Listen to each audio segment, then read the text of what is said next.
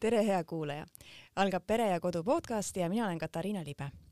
täna on taas kord üks eriline saade, sest et eh, erinevalt siis tavalistest saadetest ei seisa mul ees ühtegi probleemi lahkamiseks või siis ühtegi kurba kogemuslugu. täna me räägime hoopis emaks olemisest ühe väga rõõmsameelse ja väga särava inimesega, kelleks on laulja Teele Viira. tere, Teele! tere, Katariina!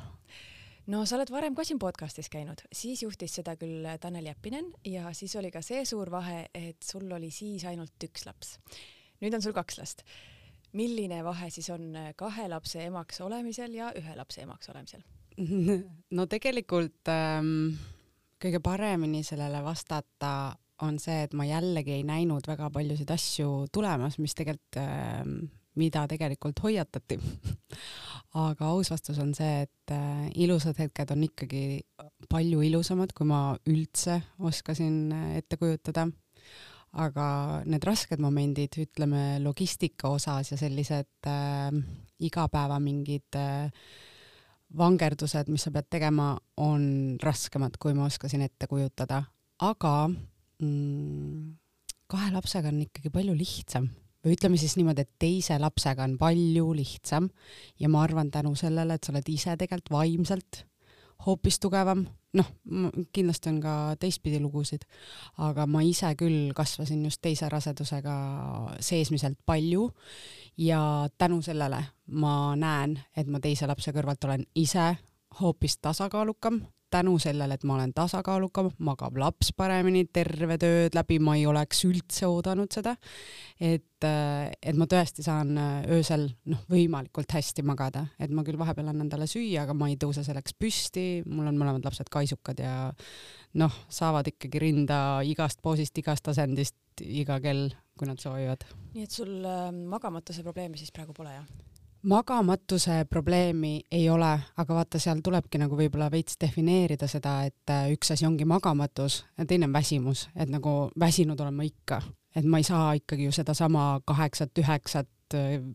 noh, mis iganes kvaliteetset tundi Äh, öö jooksul. et kui ma ikka tahan, siis ma võin ikka vinguda ka, et äh, ma ei saa ikkagi magada, onju, aga kui ma võrdlen näiteks esimese lapse kogemusega või, või teiste kogemustega, kui ma teisi inimesi kuulen rääkimas, siis no patt oleks nuriseda, noh et sellist asja, et mul aju jätaks mingeid lünkasid vahele või et, et ma tunneks, et ma ei funktsioneeri, seda mul ei ole. et siis mul on väga hästi magamisega. Sa ütlesid, et oli asju, mida mille eest sind hoiatati, aga mida sa ikkagi nagu ei mõistnud, mis need asjad on siis?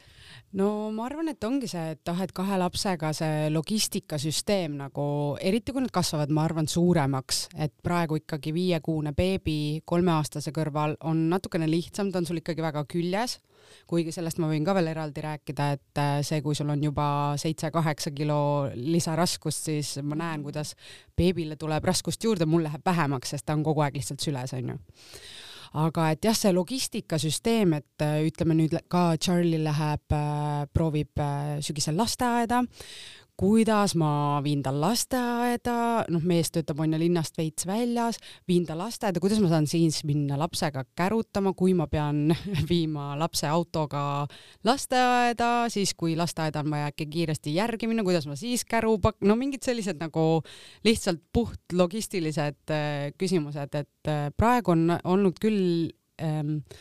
ma olen hakkama saanud kenasti, aga tõesti mingid sellised hetked, kus ma näiteks täna tundsin ka seda, et äh, beebil tegelikult oleks vaja magada,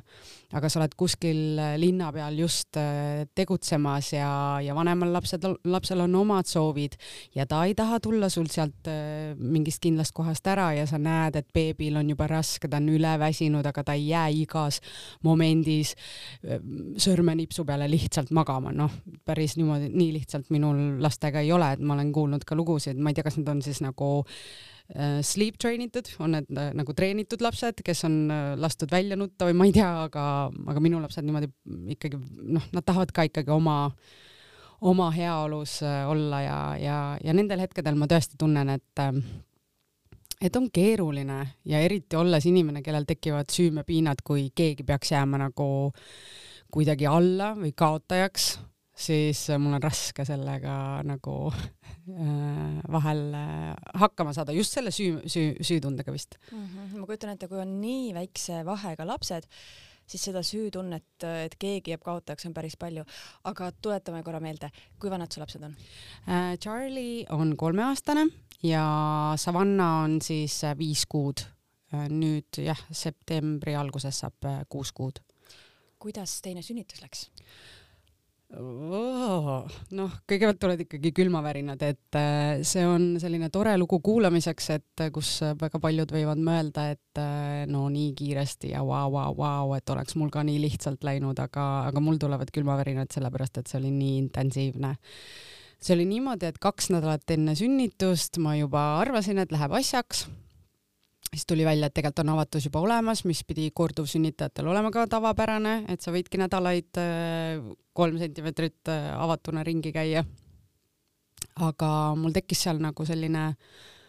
tore õppetunni hetk, et äh, ma ei saanud enam oma kehast aru, et mul olidki päriselt tuhud, ma sain ise aru, et nüüd läheb asjaks ja kuna esimene sünnitus mul oligi ebaregulaarsete tuhudega, siis ma kogu aeg, kogu aeg olin nagu valmis, nii, et nüüd päriselt, nüüd päriselt, ehk siis ma jooksin, ma arvan, kahe nädala jooksul mingi kuus korda haiglavahet, olin seal ja masin näitab tuhusid, kõik juba taheti sisse jätta kaks nädalat enne siis tegelikku sünnitust. Ja, ja siis ma korra kogesin sellist täielikku nagu mingit kurnatust sellest, et ma ei saa oma kehast aru ja ma peaksin saama. sest et ma olen ka ju ikkagi nii palju justkui ennast õppinud tundma, õppinud erinevaid vaimseid praktikaid ähm,, ma ei tea, võtan elu sellisena, nagu ta on, nagu sa ise ütled ka, oo särav ja positiivne ja kõik see nagu tekitab mingi sellise lumepalli, et ma peaksin ju aru saama oma kehast ja võib-olla see kärsitus ka ja see kõik see lõpu, lõpurasedus on selline ma ei tea, päris, päris intensiivne. ja siis ma pidingi äh, võtma lihtsalt selle momendi, et äh, noh, õnneks ka elukaaslane nägi kõrvalt ilmselt tunneb mind ka juba väga hästi ja ta ütles lihtsalt, et mine õue nagu, et pane klapid pähe ja mine lihtsalt jaluta üksinda. ja siis ma paningi selle asemel, et muusikat kuulata, ma kuulasin lihtsalt meditatsiooni, jalutasin mööda tänavaid ja sain täiesti nagu sellise taipamise, et aa, seda mul oligi vaja, et ma pole üksinda nagu lihtsalt rasedana üksinda, mitte noh, mitte momentigi olnud. Et alati kas väikelapse kõrval või mingid muud asjatused, toimetused, siis sa juba tahad natukene seda äh, pesa, pesa ehitamist ka teha, kodus mingeid uuendusi enne, enne teise lapse tulekut, aga seda nagu üksinda aega ma olin täiesti ära unustanud, et seda on vaja. Ja sealt edasi ma sain mingi sellise lihtsa koha kätte, et äh, nüüd siis see noh, et kui ikka päriselt sünnitus hakkab alles, siis ma lähen kusagile, et nagu enne, enne kui laps veel peaaegu pea väljas on, enne ma ei lähe kusagile.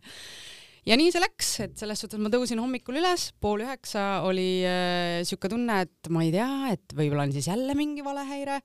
aga tegelikult ma olin juba enne kümmet haiglas ja kell üksteist sündis laps ehk siis noh, tegelikult äh, tund ja peale oli see intensiivne asi, aga ma oksendasin terve aja ja no see räme valus oli ikka nii hull, et noh, ma räägin, mul tulevad külmavärinad, sest see oli intensiivne. aga beebi sündis lootekotis ehk siis nagu sellest ma ei saanud aru, et kus on tuhud ja kus on pressid ja ja, ja mm., ja tuli, tuli ikkagi nagu niimoodi kuidagi nagu, nagu öeldakse, lupsti välja. et äh, äge oli selle kohta öeldakse õnne särgis sündinud, jah? jaa, isegi haiglas kirjutataksegi sulle nii-öelda selle sünnikaardi peale, et õnne särgis sündinud. ja pluss veel, et ta sündis vist pühapäevasel päeval ja see on ka mingi, et noh, et õnnemärk, et ma ei, ma ei pea neid suurteks asjadeks, aga mul on lihtsalt tore ja hea ja siuke rõõmus meel, et, et sattus niimoodi ja päev enne naistepäeva ehk siis selle üle ma ka itsitasin, et tark naine, et siis saab kaks päeva järjest lilli mm elu, elu lõpuni mm. -hmm. aga see oli intensiivne, see oli tõesti ja noh, ähm, ja raseduse keskel ka ma sain äh, tuttavaks ju perekonstellatsiooni meetodiga nii-öelda. ja nüüd ka õpin seda, kaks aastat on see õpe. aa, läksid täitsa nagu õppima ise? jaa, no see juhtus ka Nii, niimoodi, et mm -hmm, see juhtus ka niimoodi, et ma läksin ise teraapiasse, ma sain raseduse alguses kuidagi juba sellise sõnumi, et äh, mul on vaja kuidagi emaduse või ema teemadega tegeleda, et kui ma enne olin tegelenud äh, isa asjadega, sest et äh, nagu sa tead ka, ma loodan või noh, ma usun, et on ikka kuskilt kuulda, et äh, sellised, millised on sul suhted oma partneriga, äh, noh, et see on nagu ikkagi peegeldus sellest, kuidas sinul on mm, suhe oma isaga siis kas olnud või see ei pea olema nagu otseselt tänapäeval see suhe, aga kuidas see sinu sees on see isa vastu võetud siis et sellega ma olin nagu aastaid-aastaid tegelenud, aga, aga ema teemaga ei ole tegelenud, sest kõik on nagu hästi olnud kogu aeg. aga ma ei oleks teadnud, et seal tegelikult alateadvuses on tõesti meil mingid asjad eh, nii-öelda kihtide vahel peidus, mis meil ikkagi ju reaktsioone tekitavad ja, ja mis tahavad tegelikult eh, adresseerimist. ja siis sügisel rasedana tegingi konst-, konstellatsiooni töö ise suure ja see muutis nagu tõesti väga palju mu sees ja just äh, siis sain ka teada, et on tüdruk tulemas, ehk siis see kõik oli nii loogiline, et teha asjad korda, enne kui järgmine naine sünnib üldse siia planeedile. ja noh, ma, ma ei saa, ma ei saa maailma muuta, aga ma saan ennast muuta ja selle üle mul on hea meel. milline või kuidas nägi välja siis see perekonstellatsiooni töö?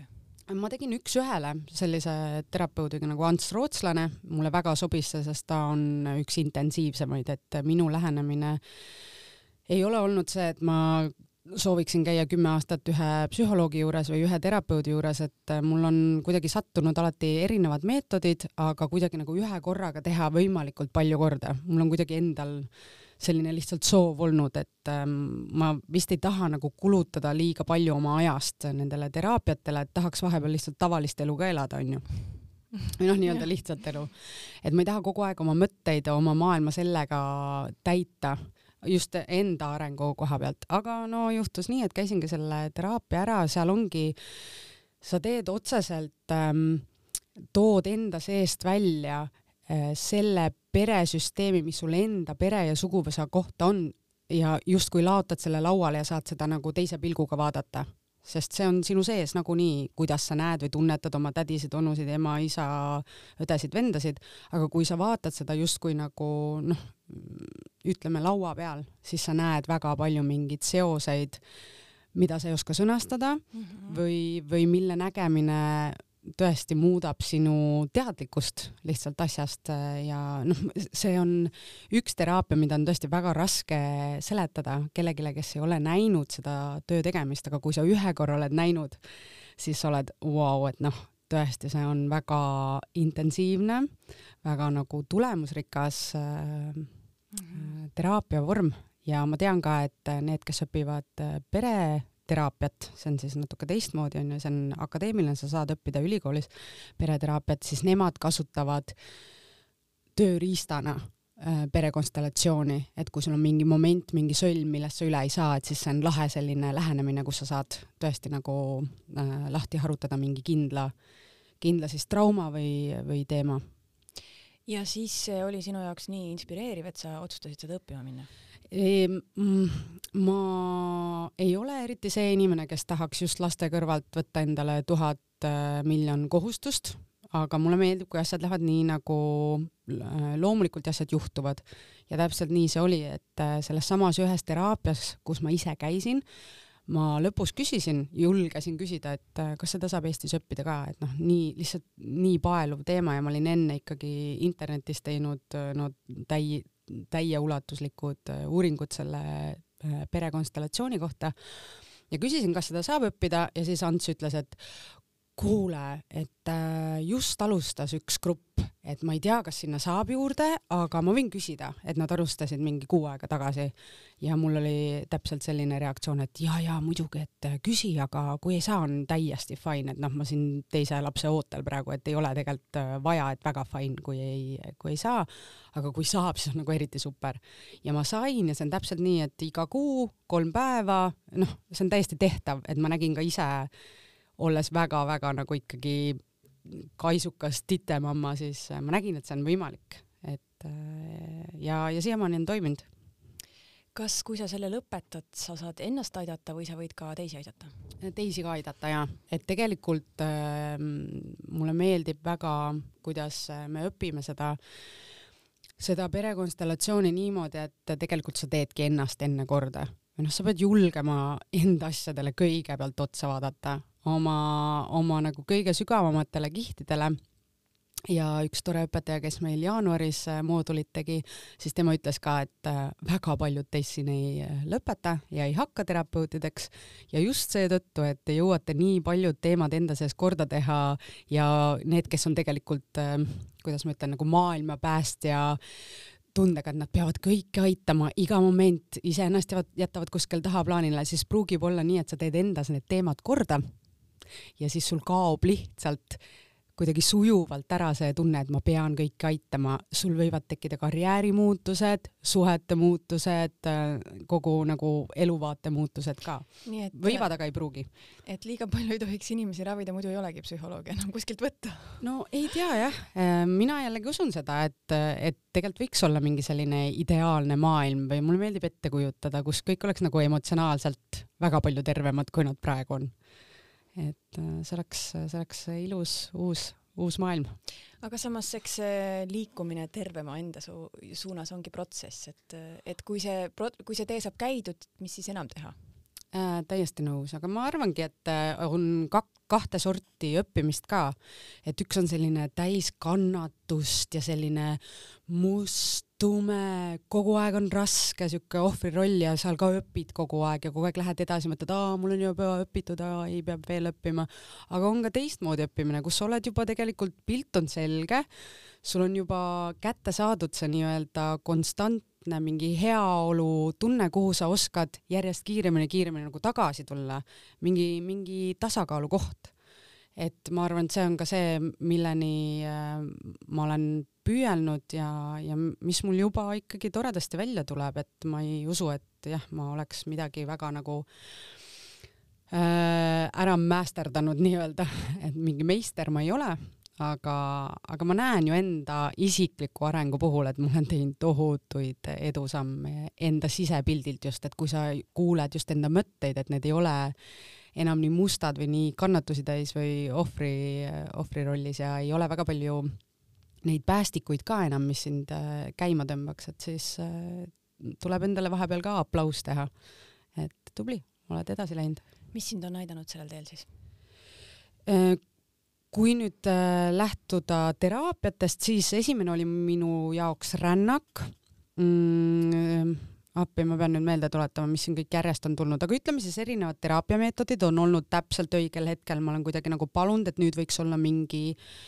tööriist, millega reaalselt saaks lahti harutada äh, korra teemad, mis on väga aktuaalsed ja millele ma ise ei oska võib-olla otsa vaadata. aga no mis aitab, on ju ikkagi inimesed, kes on meie ümber. sul on inimesed, kes toovad õppetunni välja ehk siis kelle peale sa reageeridki, aga sul on inimesed, kes sind toetavad ka samamoodi, inimesed, kes sind inspireerivad, inimesed, keda sa vaatad, oh vau wow,, et tema silmad on nii selged, et äh, ma tahaks ise,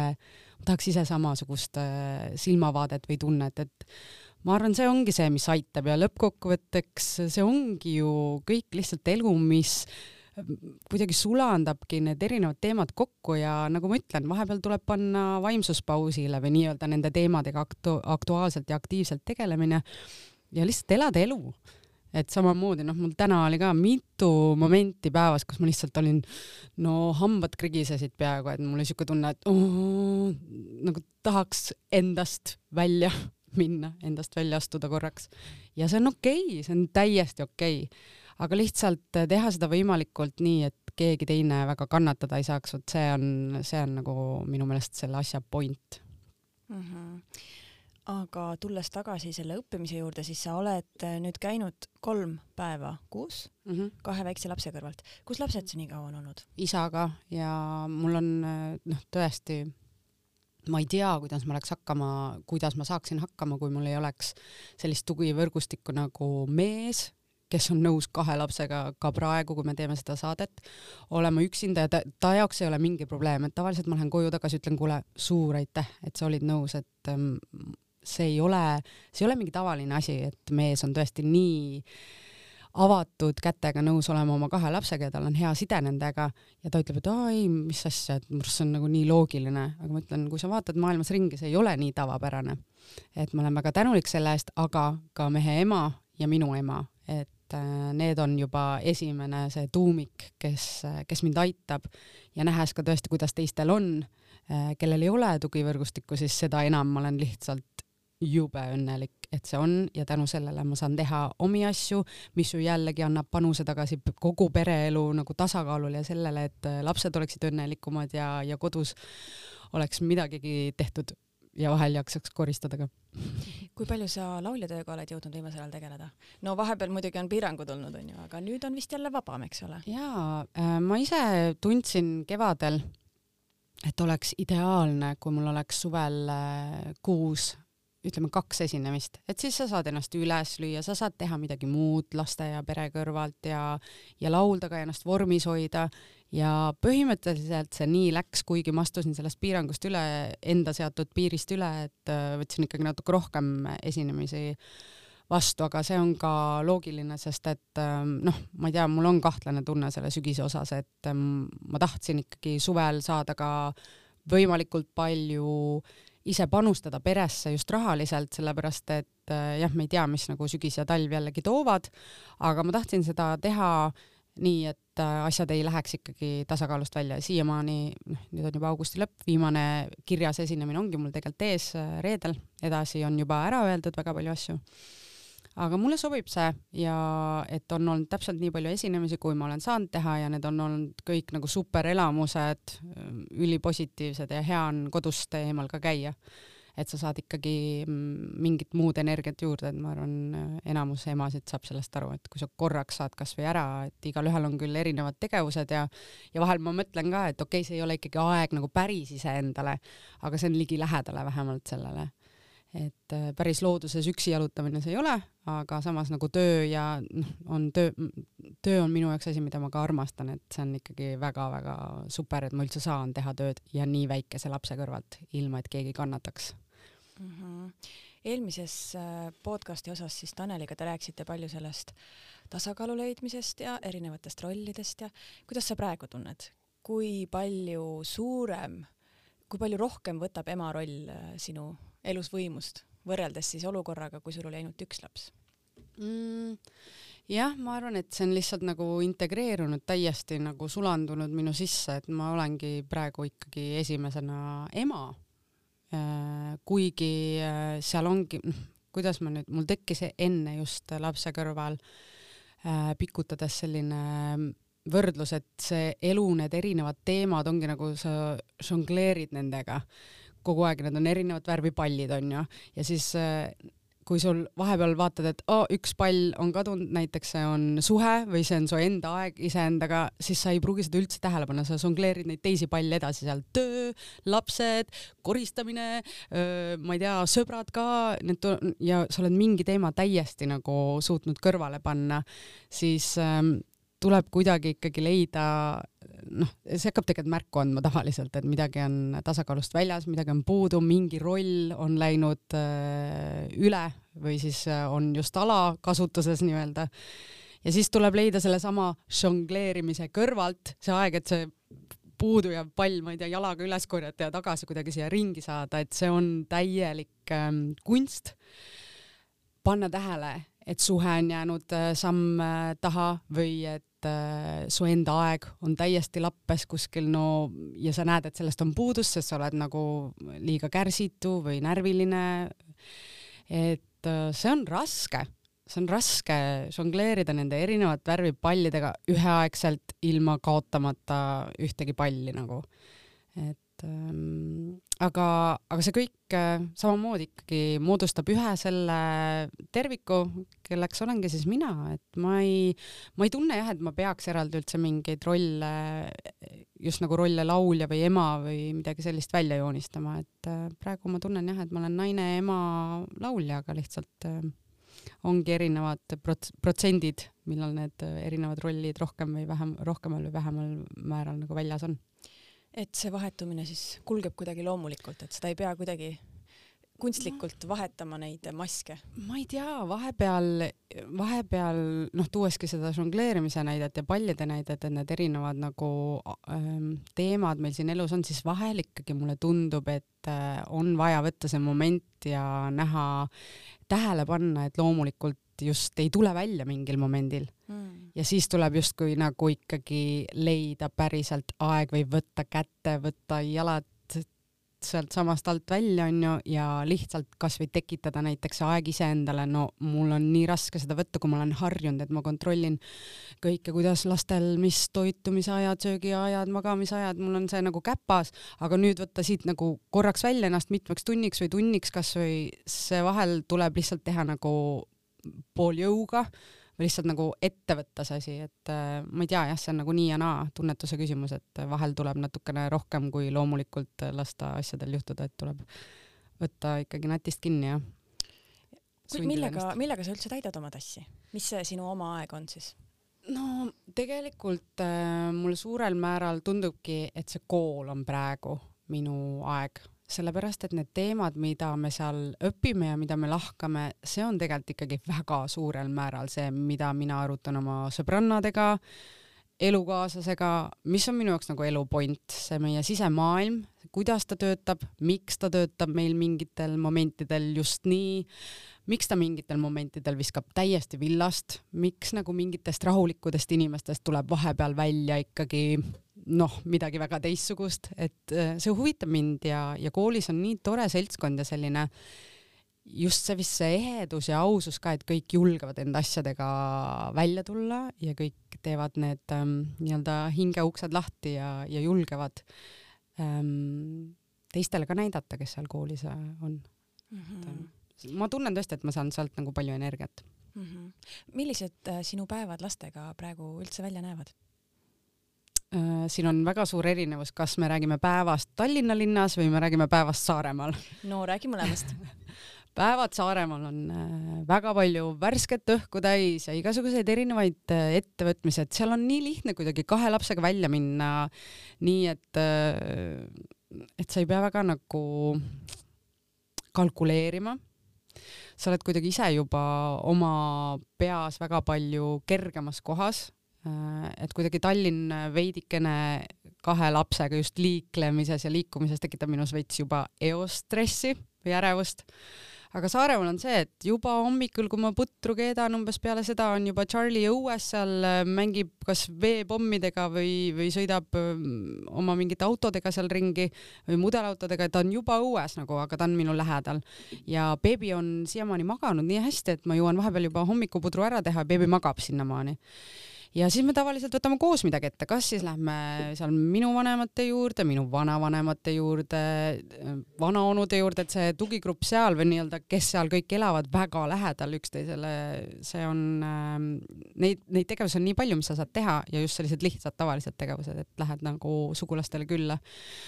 aga jah, Tallinn on minu jaoks selline veidikene rohkem stressi, et võib-olla see on ka teema, millega ma pean tegelema, aga just see, et ähm, ma tulen kolmandalt korruselt alla kahe lapsega ilma liftita, mis ma kaasa võtan, kas ma lähen vankriga? Äh,, kas Charlie'le ma viitsin täna jalgratast ja kiivrit äh, äh, külge panna just selles osas, et ma pean ikkagi väga palju rohkem siis ette vaatama või beebikandelinnas talle järgi jooksma, et tegelikult oligi meil äh, kevadel oligi selline moment, kus ma olin vastsündinud beebi, oli mul kandelinas minu küljes, me läksime Charlie'ga õue ja lähme üle, ülekäiguraja niimoodi, et üks auto juba peatub, Charlie alati lehvitab ja ütleb valjusti aitäh autodele, onju, kõik naeratavad vastu. Ja ma ei vaadanud teisele poole, noh, ma olen selle endale ka juba andestanud, et no tõesti, ma olin ikkagi värske teise lapse ema, et ma kuidagi lihtsalt mingi täielik, ma ei tea, mis moment, kus ma ei pannud tähele, ma olin väsinud ja teiselt poolt, paremalt poolt sõitis lihtsalt no mulle tundus, et sajaga, aga no ilmselt vähemalt viiekümnega sõitis nagu üle käiguraja, üle, üle ülekäiguraja, valge sihuke noh, mis iganes, kas kulleribuss või ehitusbuss, mida iganes, ta sõitis niimoodi mööda meist, et Charlie no reaalselt seal jäid nagu mingid sajandik sekundit puudu, et oleks jäänud äh, bussi alla või noh, ma ei, ma ei taha öeldagi, mis seal, mis seal oleks võinud, ma ei taha mõelda ega öelda, mis seal oleks võinud seal saada. ja siis mul küll korra lõi nagu ikkagi lukku, et äh, appi, et ma pean siin linnas ikkagi iga väike mitte tähelepanemine võib tuua sellised tagajärjed, et äh, ulme aga siin tuleb tuua jällegi oma teine maailmanägemine uuesti sisse, et kuule, et kõik, mis äh, ei pea juhtuma, siis see hoitakse ära nagu, et, et usaldada ikkagi elu. Ja eks see oli meile nagu hoiatuseks, mulle hoiatuseks, et ma saaks aru, et, et tuleb olla ettevaatlikum ja et tuleb õppida sellistest momentidest, aga noh, see toob näite sellest, kuidas Saaremaal on juba liikluses noh, nii palju vähem, sest me ei ela seal ka Kuressaares, me elame kolmkümmend kilomeetrit Kuressaarest, noh, sul on külateed ja, ja metsa palju ja et et kuidagi jah, ma, ma ise praegu ka rääkides saan aru, et ma peaks, ma peaks kuidagi veel rohkem võib-olla selle Tallinna linnaeluga sõbrunema võib-olla sisemiselt, et ähm, või siis Saaremaale kolima. kui palju te praegu üldse saate olla Saaremaal? no suvel olime tegelikult ikkagi terve aja, välja arvatud minu esinemised ja, ja esinemise, esinemiste ajal proovisime ka tulla ainult selleks ajaks, panna mingid muud äh, kohustused või toredad kohtumised ka samale ajale ja kohe Saaremaale tagasi. et samamoodi siit ka, et reedel on esinemine Lõuna-Eestis, sealt otse Saaremaale, et nii palju kui võimalik Saaremaal et ma arvan, et jah, kui ma protsentuaalselt pean analüüsima, siis noh, üle poole ajast oleme me kindlasti Saaremaal aastas. aga päris kolida siis nii nagu Lenna kolis Setomaale, te ei ole mõelnud? Andke mulle raha ja ostan maja kohe ja lähen sinna elama, et noh, pole praegu olnud lihtsalt võimalust ehitada enda unistuste kodu ja, ja vanemate juures äh,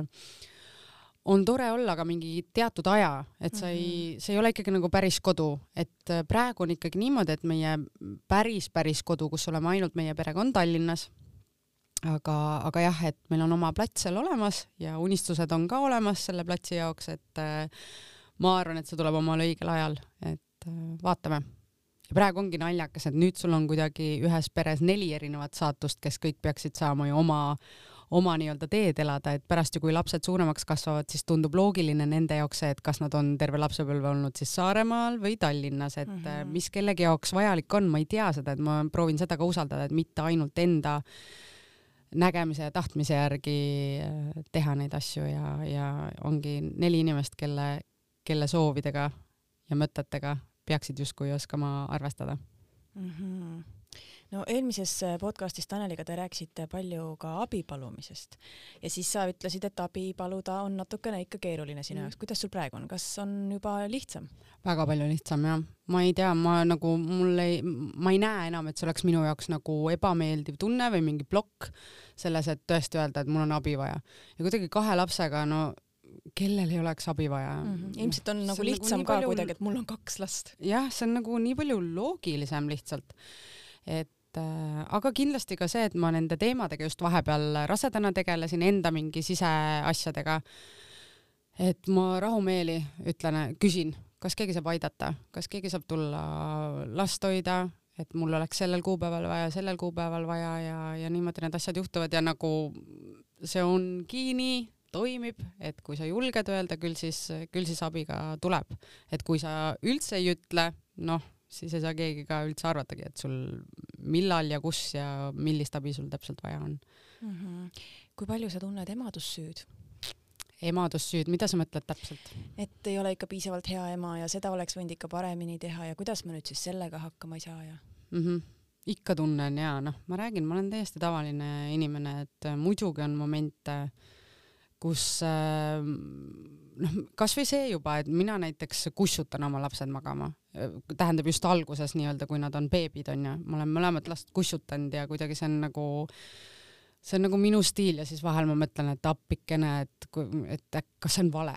et teised lapsed -hmm. teised naised võib-olla tõesti panevadki rahulikult oma beebikese sinna voodi peale ja viie minuti pärast tal on silmad vajuvad vaikselt ja mõnusalt kinni, no ei ole minu osanud, aga jaa, tekivad kohe siuksed, alati kui sa hakkad võrdlema mm -hmm. või mõtlema või kuuled või loed, kuidas teistel on ja kui hästi nendel välja tuleb, siis alati tekib see nagu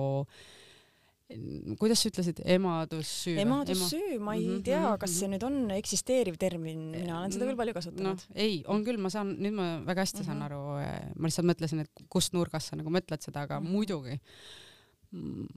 ma tahaks kohtuda kunagi sellise emaga, kellel nagu absoluutselt seda ei ole mitte ühegi teema koha pealt, aga, aga minul on ja minul pigem ma arvan, et ikka on parajas par,, parajalt korralikus äh, koguses seda mm. -hmm. et erinevad asjad, noh, küll, küll mul on vahel selline tunne, et lapsed ei tohiks üldse endast välja minna ja siis kõnnid nagu kikivarvul, aga, aga see ei ole ka õige ja siis sa näed ka ise seda, et päris nii ka ei saa ja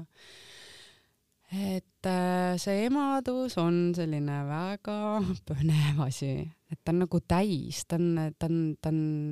ta on täidlane, ta on täis nii palju head ja nii palju nagu väljakutsuvat ka mm. -hmm. eks ta toob väga palju endast sellist välja, mida võib-olla, millele ei tahaks võib-olla otsa vaadata ei no ilmselgelt, aga noh, ma ei arva, et ainult emadus seda teeb, et teised asjad elus ka ikkagi teevad seda ja, ja et ähm, eks see on nagu, nagu sa ütlesid, et terve elu on ikkagi õppimiseks, muidu läheb igavaks ka. aga lihtsalt ongi vahe, kas õppida nagu hea meelega või siis äh, tõesti need äh, ütleme ligikaudselt sada aastat siin planeedil veeta ainult vingudes. noh, minu jaoks ei tundu väga hea variant mm. -hmm. no ilmselt meid õpetavadki ju teised inimesed ja lihtsalt lapsed on nii intensiivselt meiega seotud, et, et sealt ka see nagu see intensiivsem õpe. muidugi ja minu jaoks ikkagi äh, pärast laste saamist, no sa näed, et see on ikka planeet Maa inimeste üks äh, suur ikkagi loomulik osa on elu jätkamine, see laste saamine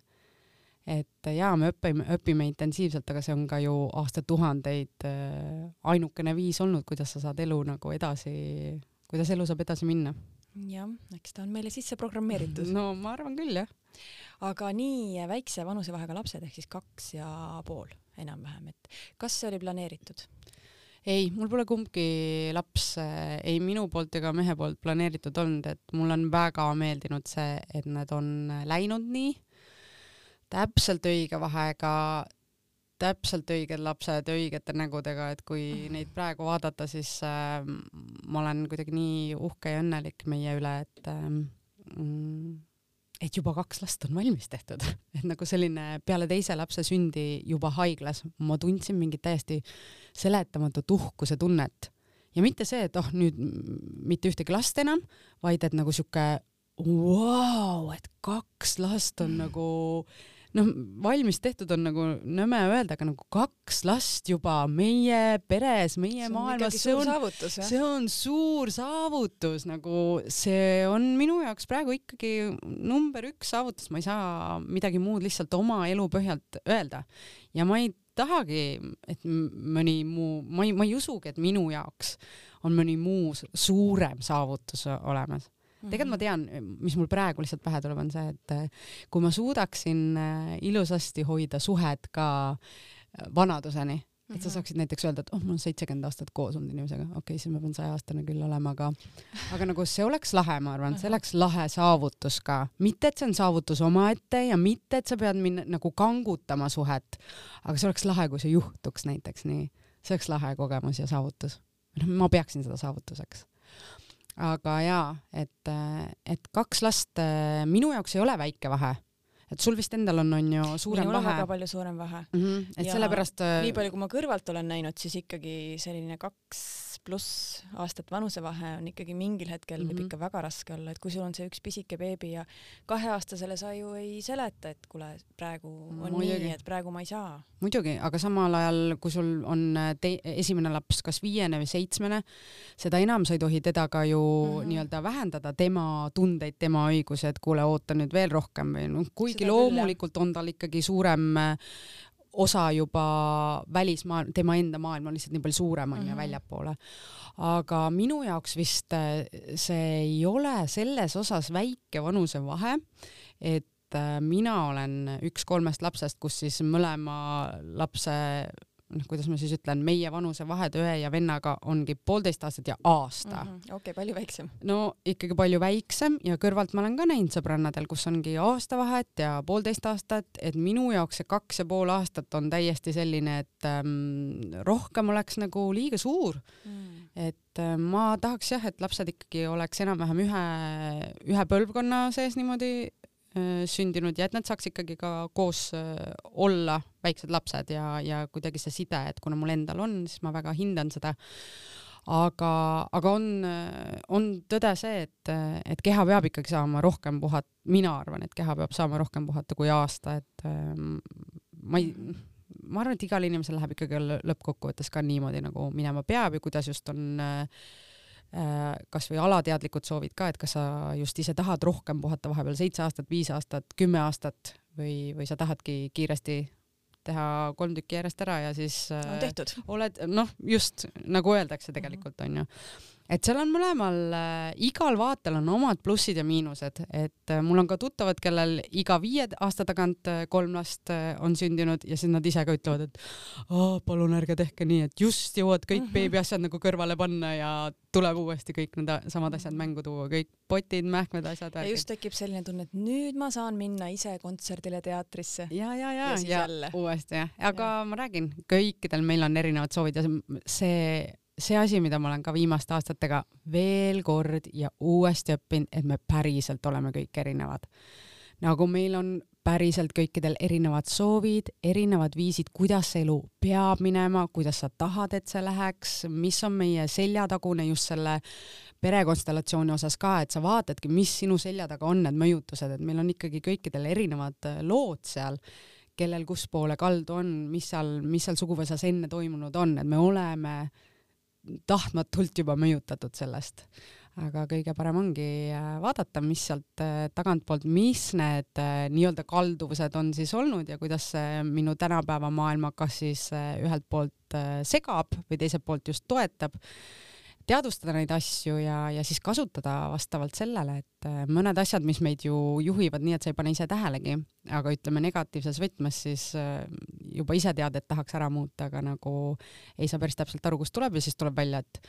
tegelikult tulebki kuskilt äh, näiteks sõjaajast midagi, mis vanaemaga juhtus, see lihtsalt on läbi juba sõna näiteks tulnud äh, nii-öelda lapselapseni ja sina kannad seda kui mingit hirmu või mingit plokki või mingit kindlat vaadet.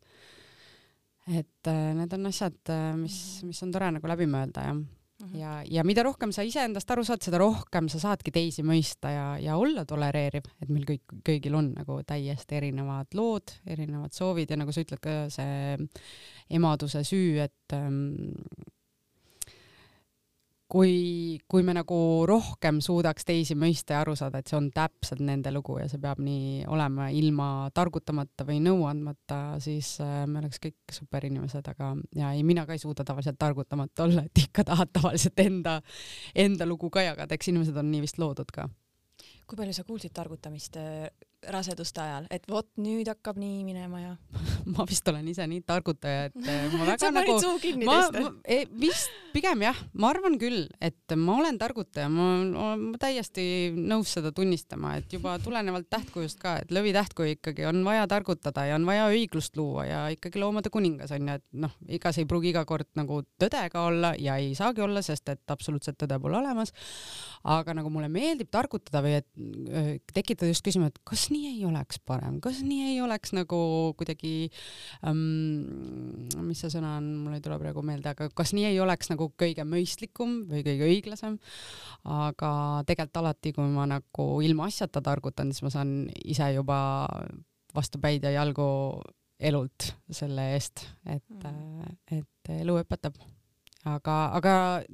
samamoodi võtame teisest küljest, naistel on vaja seda targutamist ja seda ventileerimist ja seda pläkutamist ja rääkimist, et -hmm. see on vahel ka vajalik. see on äh, see psühholoogiaõpiku näide, et äh, naine läheb koju mehe juurde ja räägib, kui hirmus tal tööl oli, et nii mm raske, ülemus tegi seda ja ta on nii õudne ja kõik on nii raske. ja siis mees nagu järgmine päev läheb ja lahendab selle asja ära, räägib ise selgeks kõik need asjad ja siis naine on vihane, et ma ei tahtnud, et sa lahendad seda, ma tahtsin lihtsalt sulle rääkida et noh, seda ma olen elus väga palju kogenud ja näinud, et eks ta nii ongi. sada protsenti, aga siis jällegi ma ei saa aru, et aga kui me ütleme juba meestele ette, et kuule, me ei taha lahendust, et sa ainult meid kuulaks, aga mehed on nagu kokku pandud nii ja ehitatud nii, et nad tahavad seda lahendust leida, et isegi kui sa ütled, et ma tahan praegu ainult rääkida, siis äh, mehe nagu ka loomulik instinkt on hakata asju nagu parandama et ma lihtsalt mõtlen vahepeal, et äh, kui seda juba igalt poolt lugeda ja kuulda saab, et äh, ikkagi mul on selline tunne, et kõik mehed seda ikkagi päris sada protsenti kuulda ei suudagi võtta võib-olla. jah, ma arvan, kindlasti on ka suhteid, kus on see vastupidi. ja, ja kindlasti, et äh, ma räägin, me võime siin teha mitu-mitu saadet ja rääkida suhetest ja, ja kuidas ja mis ja neid erinevaid külgi, erinevaid teemasid ja vahepeal on vasturääkivused, vahepeal on kokkurääkivused, et see elu ma ei tea, ma oleks pidanud filosoofiat õppima minema, et nagu seda saab igast küljest arutada, lahti mõtestada, mõelda, ma ei tea, see on nii, see on nii põnev ja nii lõbus. okei okay,, aga tulles jälle sinna laste teema mm -hmm. juurde tagasi, kuidas Charlie ja Savannah siis omavahel läbi saavad um,? täiesti normaalselt, selles osas, et äh, kui algul Savannaga koju tulime, siis ta tuli väga suure jooksu ja elevusega vastu, aga kui ta vaatas ikka sinna turvahalli, siis oli näha, et ega ta täpselt nagu aru ei saanud, et no mis nüüd nagu juhtus või et kes, kes see tuli.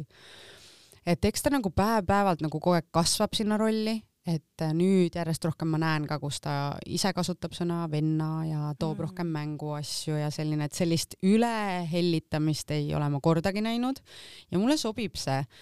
ma ei näeks ennast, äh, ma ei tahaks olla selles rollis, et ma pean pabistama, kui nad ühte tuppa jäävad, et kas äh, liiga tugevasti keegi kallistab või paitab või midagi sellist et pigem mulle sobib see, et, et ma, ma täiesti usaldan nagu Äh, Charlie't ehk siis vanemat last ilma panemata talle mingeid äh, kohustusi või vastutust, et beebi eest vastutan ikkagi, kui me oleme ainult lastega kodus, vastutan ainult mina.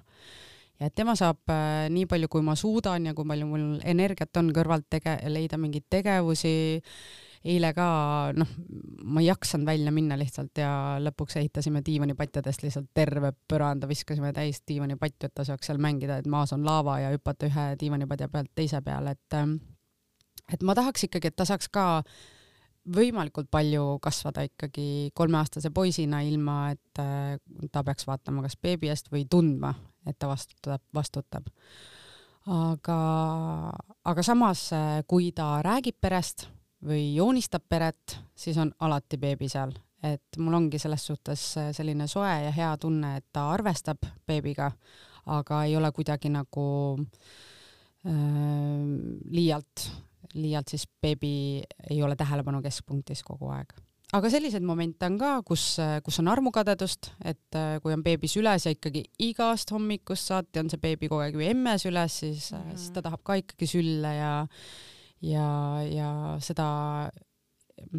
ma vahel küll ütlen ja et kuule, ma ei saa praegu, et beebi on ja see on loomulik on ju elus, aga, aga vahel ma lihtsalt teen seda, et ma panen beebi lihtsalt diivani peale, ütlen beebi, sina nüüd oota, et ta näeks, et tema ei ole alati see, et, et Charlie ei ole alati see, kellele öeldakse ei mm -hmm. öeldakse, et oota, oota, oota aga jah, et neid armukadeduse hetki on, on küll, aga ta ei suuna seda kuidagi nagu ei ole suunanud beebi ähm, nagu vastu, et pigem jah, ta tahab lihtsalt väga ausalt ja armsalt ise lihtsalt tähelepanu. et see on, see on tore kas sa oled üritanud leida ka üks-ühele aega temaga nii, et beebi jääb isaga ja siis te kahekesi teete midagi? jaa, on äh, loomulikult tekkinud äh, neid momente ka, et Saaremaal ka, kui on, äh, mees on jäänud siia, teeb Tallinna lähedal tööd, nagu ma ütlesin, ja meie oleme Saaremaal olnud tegelikult nädala sees üksi mehe emaga või minu emaga ja on tekkinud siukseid nagu loomulikke momente, et is, isegi kasvõi mingid väiksemad sõidud, et beebi jääb koju, magab parase, parajasti magusalt ja siis me oleme Charlie'ga kasvõi poodi lihtsalt jäätist ostma või aga, aga me teeme sellest alati tripi, et kui ma üldse mõtlen, et milline ema ma olen, kui mul on energiat, kui mul on hea tuju, siis ma olen väga mänguline, et mulle meeldib äh, siukest pulli teha ja mingeid mänge välja mõelda ja kogu aeg nagu lapsega ikkagi mm, suhelda elavalt ehk siis ma usun, et isegi kui need äh, momendid on väga lühikesed või väikesed, et siis äh, Charlie väga tunneb seda, et tähelepanu on täielikult äh, temal. aga vastupidi ka, ka mulle, mulle meeldib, kui elukaaslane saab olla pojaga üks-ühele aja, aega väljas veeta, et ma usun väga sellesse, et umbes kolmeaastaselt peakski minema lapsed nii-öelda isa äh, isa rohkem energiasse, et siis nad hakkavad tajuma välismaailma, et öeldakse, et, et emalt me saame sisemaailma ja isalt me saame nii-öelda välismaailma nägemise. et siis mulle väga meeldib, kuidas Charlie ja Christopher, kuidas nende see isa-poja suhe on ja noh, ma lihtsalt väga armastan seda, kuidas Christopher väga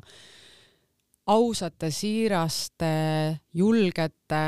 aga samas nagu tundlike silmadega näitab äh, maailma pojale mm.. et äh, ma olen, ma olen väga õnnelik selle üle.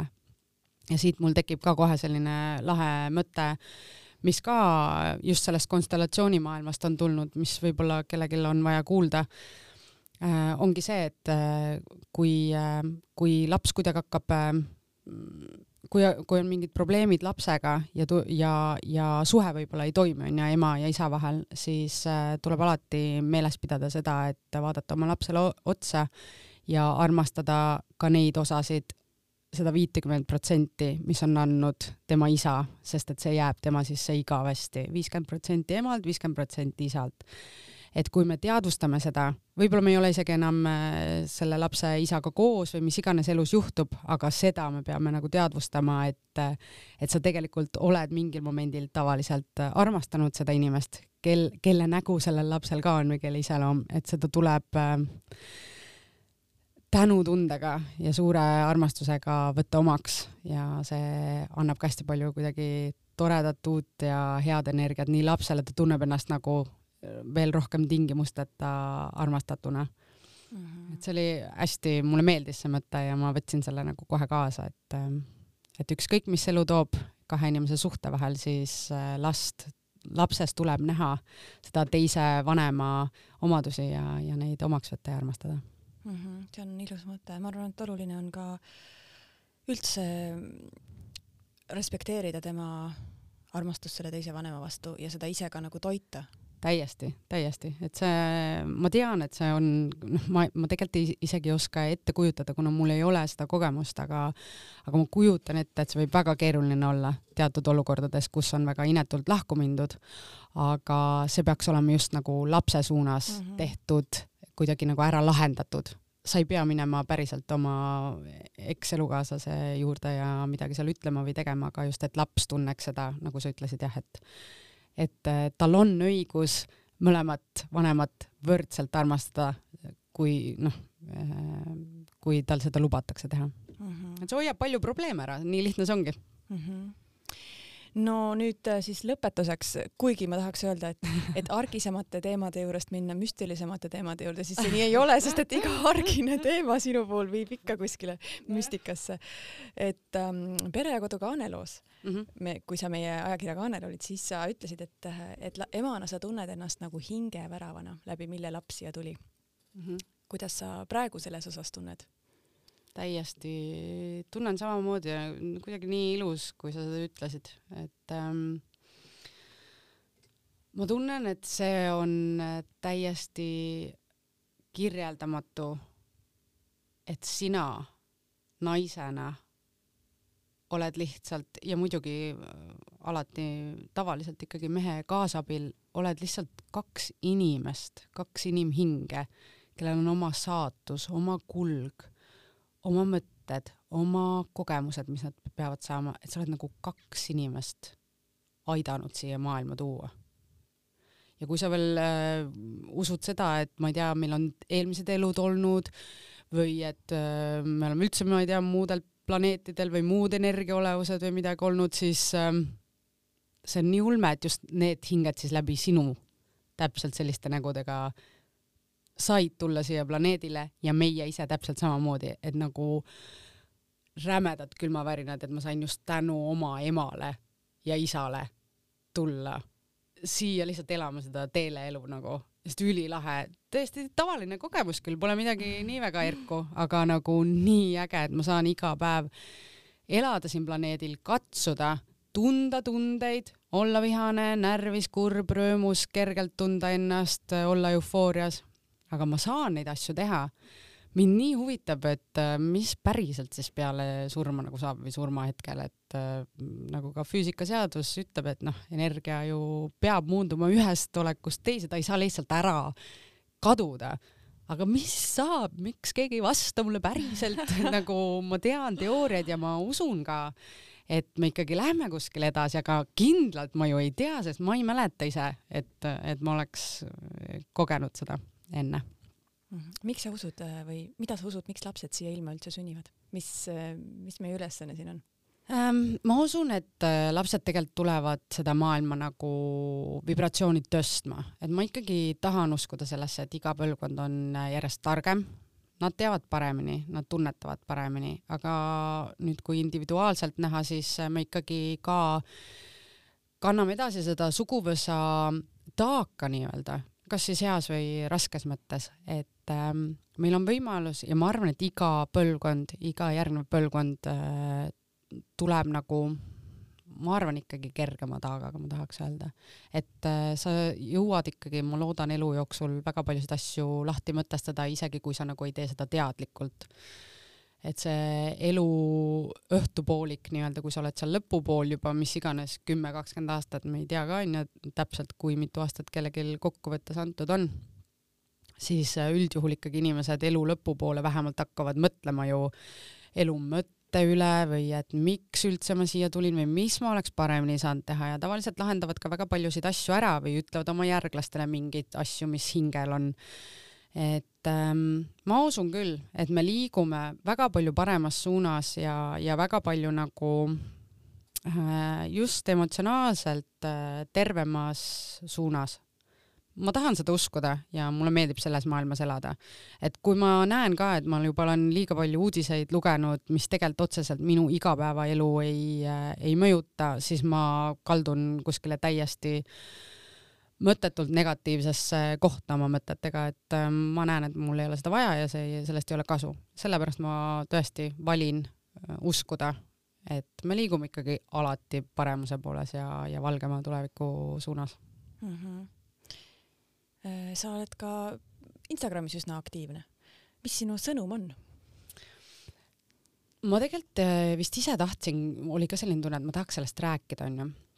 Et see Instagram on selline väga põnev ja huvitav maailm, et ühelt poolt on ta minu jaoks täiesti lihtsalt tühipaljas äh, mälestuste album, mina panen sinna, mis pilte ma tahan, mis ma tahan kunagi scroll ida ja meenutada, et aa, näe, siin käisin reisil, siin tegin seda. nüüd aga selle Instagrami teine pool ehk siis see no selline reklaami ja müügimaailm. Mm,. Mulle on alati meeldinud ka seda teha, sest mulle meeldib koostöid teha ja, ja vaadata, mis erinevad tooted äh, maailmas on. aga paar aastat tagasi mul viskas sellest nagu täiesti kopa ette selline, et sulle saadetakse paar äh, pudelit mingit jooki ja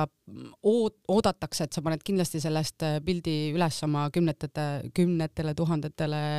jälgijatele. Noh, minu puhul seda nii palju ei, küll ei ole ka, aga ikkagi rohkem kui paar tuhat inimest onju. ja, ja siis ma ei võtnud ühtegi koostööd enam vastu, mitte ühtegi, mis nagu ei oleks täiesti südamest või täiesti selline koostöö, et ma tõesti näen, et ma toetan sellega mingit õiget hingega asja ja siis äh, oli äh, väga rahulik aeg nii-öelda sotsiaalmeedias. aga nüüd, kui tuli koroona ja ma istusin reaalselt eelmisest sügisest kuni märtsini ilma tööta, ilma ütleme isiklik, isikliku turvatundeta, et mul on nagu äh, materiaalselt kõik olemas, siis kui tulid mingid koostööpakkumised siis äh, ma hakkasin päris nagu okeilt sellega raha teenima. ja siis ma sain aru, mis tööriist on näiteks Instagram mm. -hmm. et selle asemel, kui sa kolmkümmend aastat tagasi oleksid olnud äh, kahe lapse ema ja sa ei tea nagu, kust tuleb söök, kust tulevad järgmised talvesaapad või kust tuleb nagu noh, mis iganes mähkmed või, või marlid on ju tol ajal, siis tänapäeval sul on äpp mille, mida kasutades sa saad teenida raha niimoodi, et äh, sa saad mitu korda ikkagi poes käia, no ma üldse kogu selle koroona ajal mõtlesin kuidagi need hinnad nagu ümber ka, et kui palju sa saad viiekümne euro eest ikkagi päriselt süüa mm. -hmm nagu süüa niimoodi, et sa mõtled läbi, mida sa päriselt teed, onju, sa saad päris palju selle eest tervele perele süüa ähm, et siis ma sain aru, et ma olen rumal, kui ma ei kasuta seda tööriista äh, palga teenimiseks ära mm. -hmm. ja ma hakkasin tegema koostöid uuesti, aga minu õnneks uskudes ka seda, et äh, your vibe attracts your tribe ehk siis sa saad alati seda, mis sinu vibe on, mis sinu vibratsioon on, siis need kõik koostööd on olnud nagu super. kõik on tavaliselt olnud äh, nii-öelda keskkonnasäästlikud, head tooted Äh, super äh, suhtlemiskogemus ka nende inimestega, kes üldse pakuvad sulle seda koostööd. ma ei saaks olla rohkem äh, tänulik selle üle, et, et mul on olnud vahepeal see tööriist, aga, aga ma ütlen ka väga palju ei, sest ma jah, ma ei pea seda selleks, et ma pean seal kõik koostööd vastu võtma või noh, nagu kui sa ka ütled, ma olen väga aktiivne, siis tegelikult kui sa vaatad, millal mu viimane pilt pandud on, siis see on juba ilmselt kaks nädalat tagasi ja enne seda ka mitu-mitu nädalat jäi vahet, et ähm, mm,? ma ise ka jah äh, ei tunne, et, et mul oleks vajadust nagu pildis olla, aga ma olen nagu kasutanud seda kui lihtsalt ema, kes saab ka tööd teha läbi selle. ja, ja et mul on selline nagu väga lahe nii-öelda suhe olnud sotsiaalmeediaga mm. -hmm et ma arvan, et see paneb ka väga paljusid inimesi nagu mõistma, et äh, tegelikult ei ole nii, et sa ainult äh, tutu-lututad seal ja oh, ma tahan kõikide asjadega äh, kõiki tooteid äh, promoda ja mul on kodutooteid täis, vaid et tegelikult reaalselt, kui sa teed seda nagu ka südamehäälega ja tunnetusega, siis äh, see on väga okei okay teha mida iganes sul on vaja teha, et äh, nii-öelda toita oma peret, noh see on küll natukene võib-olla nii-öelda väga karmilt öeldud või noh, nagu liiga suurelt öeldud, aga, aga point, point on mhm. selles. no selles mõttes väga praktiline ja mm -hmm. tõesti väga äge, et mm -hmm. tänapäeval on see üks äpp. jah, ja, ja selle eest sa saad,